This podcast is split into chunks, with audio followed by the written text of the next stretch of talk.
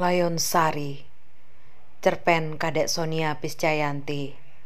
Narator Kadek Sonia Piscayanti. Ilustrasi musik Endah Fitriana.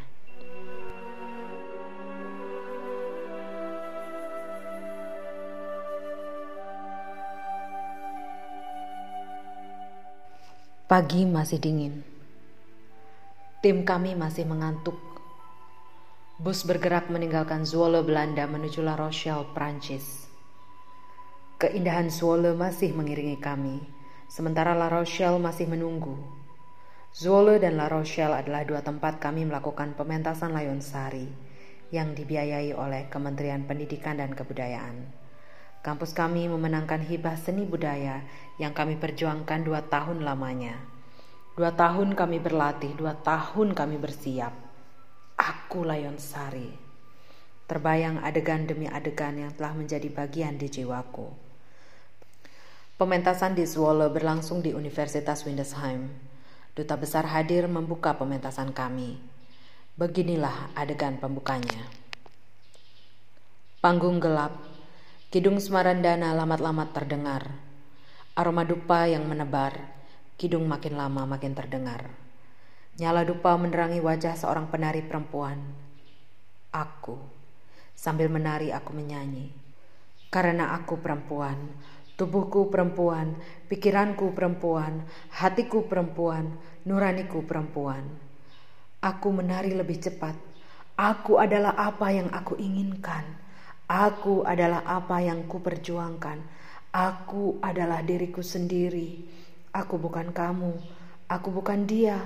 Aku bukan mereka, aku adalah diriku sendiri. Aku menari lebih cepat, yang menjadi, yang memberi arti. Makin cepat, maka aku tak peduli. Aku berhenti, meski aku harus mati. Panggung gelap. Zuolo mulai tertinggal di belakang. Bus bergerak sendiri, kami bergerak dengan pikiran sendiri-sendiri. La Rochelle masih sangat jauh. Aku Layon Sari masa kini yang lahir atas keinginanku sendiri. Aku telah bersumpah pada diriku sendiri akan menebus kesalahanku di masa lalu. Aku membawa namaku sendiri, Layon Sari. Aku membawa namaku sendiri, Layon Sari. Aku telah menciptakan nasibku sejak aku memohon reinkarnasi kembali menjadi perempuan. Aku telah memilih takdirku. Aku ingin menjadi perempuan baru, yang menjadikan diriku berarti bagi kehidupan. Aku menolak mati karena cinta konyol, cinta kepadamu Jaya Prana, yang dulu berakhir tragis harus kuakhiri dengan manis. Karena ini adalah reinkarnasiku yang terakhir, aku harus mencatatkan kisah baru. Sutradara memberiku peran sebagai Layon Sari yang segera aku terima dengan gembira. Bukannya aku gembira tanpa alasan, Aku adalah penari terbaik sekaligus aktris terbaik dibandingkan teman-temanku. Aku telah menari sejak usia empat tahun. Ketika belum ada bocah semuda aku bisa menari Trunijaya, tarian asli Bulaleng yang dinamis dan menguras tenaga. Aku telah menari seumur hidupku sejak itu dan tak pernah berpikir akan berhenti atau mau berhenti. Aku kini adalah Layon Sari yang sesungguhnya menarikan tarian yang kuciptakan sendiri dan mengakhirinya sendiri. Kau sendiri adalah Jaya Prana yang ditunjuk takdir untuk mencintaiku, yang berpasangan denganku baik di panggung maupun di kenyataan. Kau terlahir kembali sebagai Jaya Prana karena kau bersumpah untuk memperbaiki takdirmu di kehidupan ini. Kau juga memilih untuk menjadi Jayaprana kembali, karena memilih untuk mencintaiku kembali dan ingin memperbaiki takdir di masa lalu. Kami memasuki La Rochelle, kota pelabuhan tua yang mirip dengan Singaraja, sunyi dan damai. Segarnya angin laut menerpa wajahku. Hotel kami bersebelahan dengan dermaga tua, di mana perahu-perahu layar tertambat. Aku berlatih menari di kamar. Setiap menjelang pementasan aku melakukan latihan pernafasan agar tarianku lentur dan berjiwa. Pementasan di La Rochelle adalah yang terakhir. Harus berhasil. Cahaya Prana, kita telah ditakdirkan bersama.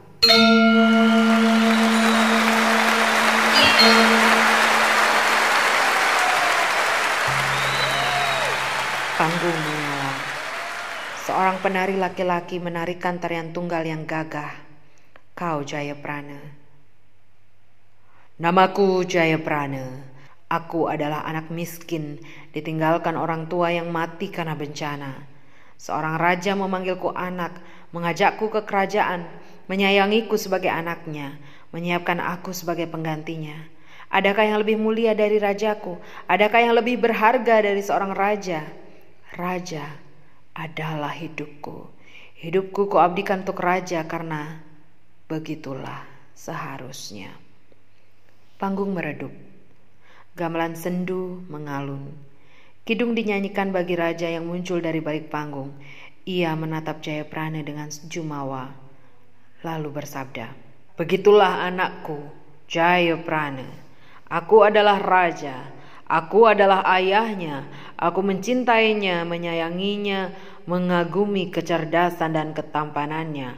Aku telah memilihnya seperti nasib yang memilihku untuk menemukannya. Aku akan menyiapkan nasib baik. Namun kenyataannya bukan nasib baik yang diberikan oleh raja, justru nasib buruklah yang ia siapkan. Mungkin perlu kuceritakan sedikit kisah ini kepadamu agar kau ingat bahwa kau adalah laki-laki lemah yang membosankan dan aku tak bisa mengubahmu sejak dulu karena takdir kita telah menghukum kita berdua dengan sangat kejam. Kau adalah seorang anak yatim piatu yang sebatang kara ditinggalkan orang tuamu yang meninggal karena wabah penyakit di kerajaan Kalianget. Raja yang iba pada nasibmu mengangkatmu menjadi anak karena kamu adalah anak yang jujur dan pintar. Kau dirawat dan dibesarkan raja, dibekali pengetahuan memimpin untuk menyiapkanmu menjadi raja. Saat kau telah menginjak dewasa, raja memerintahkanmu agar segera meminang gadis, karena titah raja adalah suara Tuhan bagimu. Berangkatlah kau dengan kejujuranmu dan ketulusanmu yang aneh ke segala pelosok desa untuk mencari seorang gadis. Beruntunglah kau bertemu denganku, Layon Sari, dan kita jatuh cinta dengan sangat sederhana. Beberapa waktu kemudian kita menikah dengan restu raja. Namun yang terjadi saat hari pernikahan, saat raja menatapku, aku merasakan tatapannya yang buas dan jahat menelanjangiku dari ujung rambut hingga ujung kakiku. Air liurnya telah ia telan sendiri ketika melihat tubuhku yang langsung ia mimpikan dan ingin ia miliki. Ia lupa padamu laki-laki muda yang ia ciptakan sendiri dengan keinginannya. Ia mengalahkan kasih sayangnya kepadamu dan menggantinya dengan nafsu birahi padaku hingga ingin menelanjangiku bulat-bulat dengan mulut menganga kau bukan apa-apa lagi bagi raja dan nasib sedang menancapkan taring-taringnya.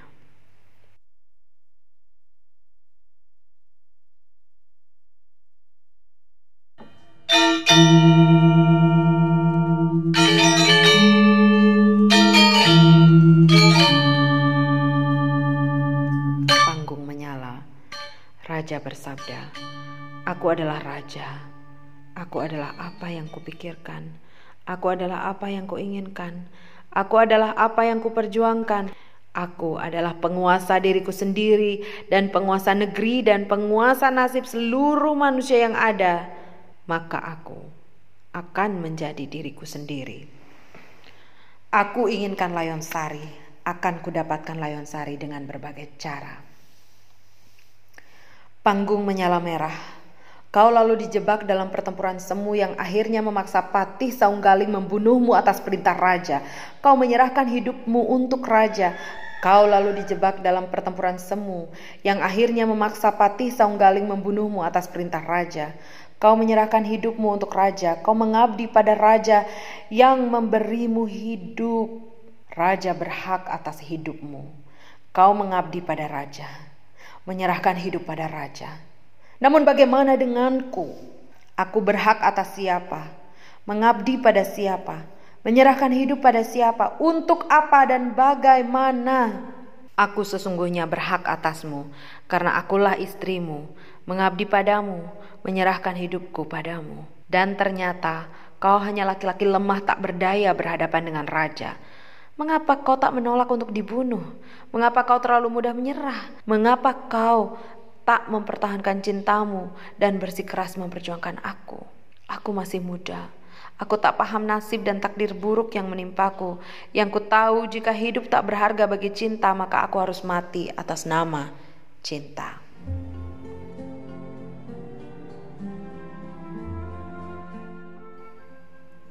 Kami tiba di Universitas de la Rochelle.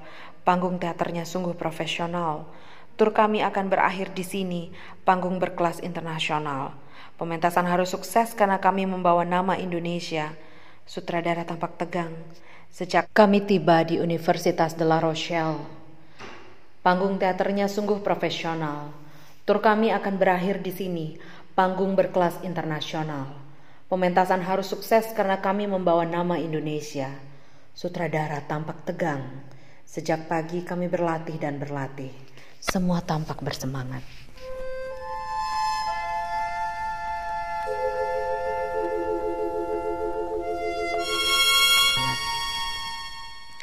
Menjelang pukul delapan malam kami siap.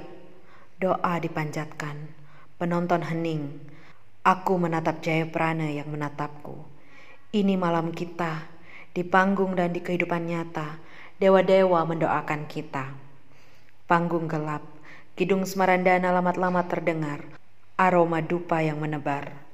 Karena aku perempuan, tubuhku perempuan, pikiranku perempuan, hatiku perempuan, nuraniku perempuan. Aku adalah apa yang aku inginkan. Aku adalah apa yang kuperjuangkan. Aku adalah diriku sendiri. Aku bukan kamu. Aku bukan dia. Aku bukan mereka. Aku adalah diriku sendiri yang menjadi, yang memberi arti. Maka aku tak peduli, aku mencintaimu meski aku harus mati. Panggung redup, lampu ke bagian tengah panggung. Seorang perempuan dan laki-laki menari olek tambu lilingan, begitu romantis dan menyentuh. Jaya Prana dan Layon Sari menari. Adegan demi adegan mengalir, jiwaku menari dan aku menjelma Layon Sari yang sesungguhnya. Jaya Prana melamarku. Kami menikah. Raja menatapku. Kilatan mimpi buruk melintas. Jaya Prana dijebak. Jaya Prana dibunuh. Jaya Prana mati. Begitu singkat cinta kami. Begitu panjang nasib buruk kami. Babak akhir. Sebuah tarian yang mengerikan.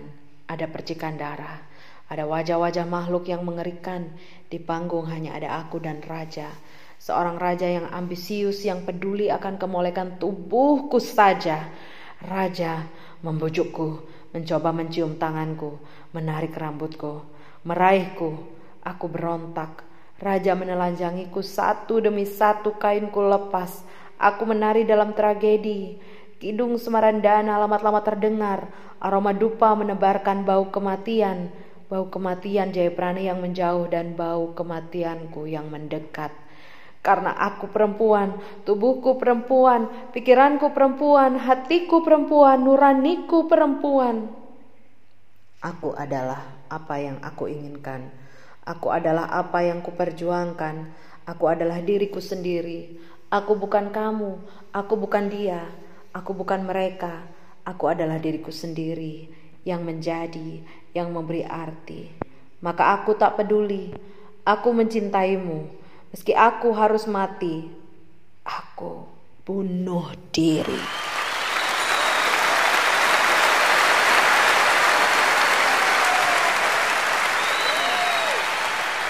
Penonton di Universitas de la Rochelle Prancis berdiri dan bertepuk tangan gemuruh di akhir pementasan kami. Sebuah pentas yang sukses membuat penonton Indonesia takjub dan meneteskan air mata karena kisah mengharukan Layon Sari. Aku merasakan jiwaku datang dari masa lalu, bertemu denganku dan mengucapkan terima kasih. Aku merasakan jiwa Jaya Prana datang dari masa lalu, memelukku dan berterima kasih.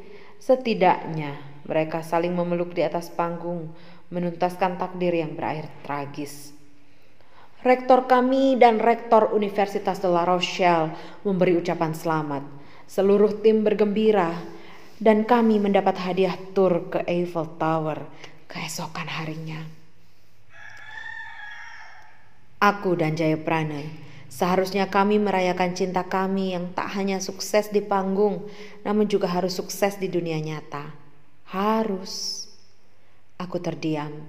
Ada rasa aneh yang kurasakan. Kesuksesan di panggung tidak membuatku bahagia, entah Jaya Prana. Aku merasa sunyi. Seluruh tim bergembira, hanya aku yang terdiam dalam kesunyian panjang.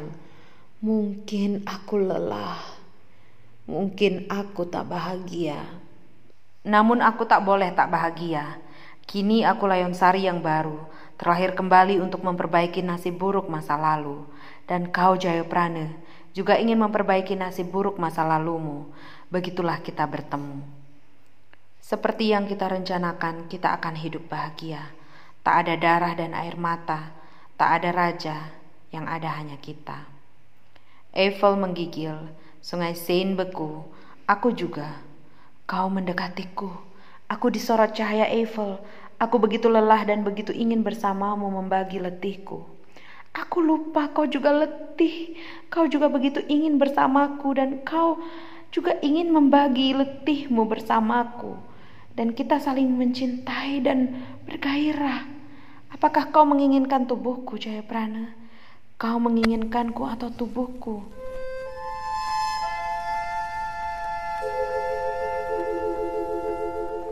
Tepat pukul 00, tiba-tiba Eiffel menyala, sungai Seine menyala, terngiang ucapan raja.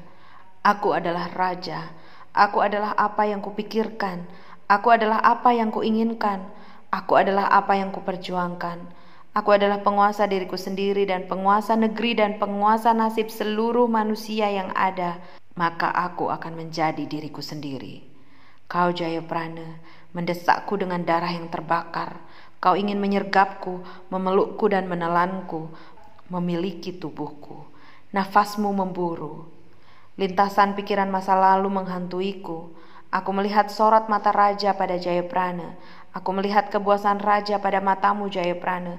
Aku lari, lari sejauh-jauhnya. Aku pergi membawa semua nasib burukku bersamaku. Eiffel padam, hatiku padam. Selang beberapa bulan sejak pementasan di Prancis, kami sibuk menyiapkan ujian akhir skripsi. Nyaris tanpa pertemuan, kami menenggelamkan diri dalam tumpukan kertas hasil revisi proposal dan kemudian mengajukan perbaikan, mengajukan ujian segera agar bisa menjadi sarjana. Pembimbing dan penguji telah bersedia menyepakati jadwal ujian di depan mata. Berhari-hari dan berminggu-minggu persiapan, perbaikan dan pembimbingan kami lakukan. Kami jarang bahkan bertegur sapa pun nyaris tak ada waktu lagi. Namun pagi itu, ujian akhirnya berhasil kami lalui. Kami telah bebas, sarjana selangkah lagi. Kami duduk bersisian dan suasana aneh meliputi hatiku. Aku merasa asing dengan Jaya Prani yang seolah-olah berubah entah karena apa. Lalu tiba-tiba sebuah pertanyaan melintas di pikiranku. Kau mau menikahiku? Aku bertanya tiba-tiba. Ia terkejut. Apa? Menikahimu? Ya, sautku. Ia menjawab dengan datar. Untuk apa? Aku terkejut. Kau serius? Tanyaku. Ia diam, lalu balik bertanya. Apakah kau serius bertanya tadi? Aku serius. Apa kau serius bertanya untuk apa? Jawabku. Ya, aku juga serius bertanya untuk apa. Bukankah masih panjang sekali waktu kita untuk menuju pernikahan? Kita belum apa-apa, jawabnya. Apakah kau mencintaiku? Aku bertanya lagi. Bukankah memang seharusnya aku mencintaimu? Tanyanya. Seharusnya? Ya. Apa maksudmu? Tak ada maksud apa, kita seharusnya memang saling mencintai bukan? Itu kan yang kita inginkan? Apakah kau tak rela? Maksudmu? Menikahiku dengan rela tanpa kata seharusnya. Aku tak mengerti. Kau jangan bodoh, aku tahu kau tak rela. Kau diam. Bodoh. Aku tahu kau tak mencintaiku lagi, tapi aku mengujimu sekali lagi. Jadi bagaimana? Tanyaku lagi. Apanya? Jawabmu. Apakah selepas kita sarjana ini kita akan menikah? Belum bisa, meskipun aku mau. Maaf, aku ragu. Hening, api cintaku padam. Tentu saja kita tak akan menikah hari ini atau mungkin selamanya. Aku tahu. Sejak kejadian memalukan The Evil, kau telah mengkhianatiku, berselingkuh dengan sahabatku sendiri. Kau ternyata bukan Jaya Prana yang aku impikan dalam takdirku. Kau adalah jelmaan raja yang buas dan haus tubuh perempuan. Mungkin telah kau dapatkan tubuh perempuan lain yang adalah sahabatku sendiri. Kau telah dapatkan semua yang kau inginkan, tapi aku Layon Sari. Aku menolak kau setubuhi tanpa ikatan pernikahan. Aku adalah apa yang aku inginkan. Aku adalah apa yang kuperjuangkan. Aku adalah diriku sendiri. Aku bukan kamu, aku bukan dia, aku bukan mereka. Aku adalah diriku sendiri yang menjadi, yang memberi arti. Maka aku tak peduli Aku akan mempertahankan kesucian diriku meski aku harus mati. Hatiku pekat, hampa udara. Tak ada musik, tak ada kidung, tak ada tepuk tangan, tak ada gemuruh pujian. Hanya ada diriku sendiri. Aku lupakan Jaya Prana. Takdir telah memilihku menjadi perempuan yang pemberani. Aku berani hidup sendiri tanpa takdir masa lalu, tanpa rencana soal cinta yang abadi. Aku adalah Layon Sari yang menjadi, yang memberi arti. Singaraja Juni 2015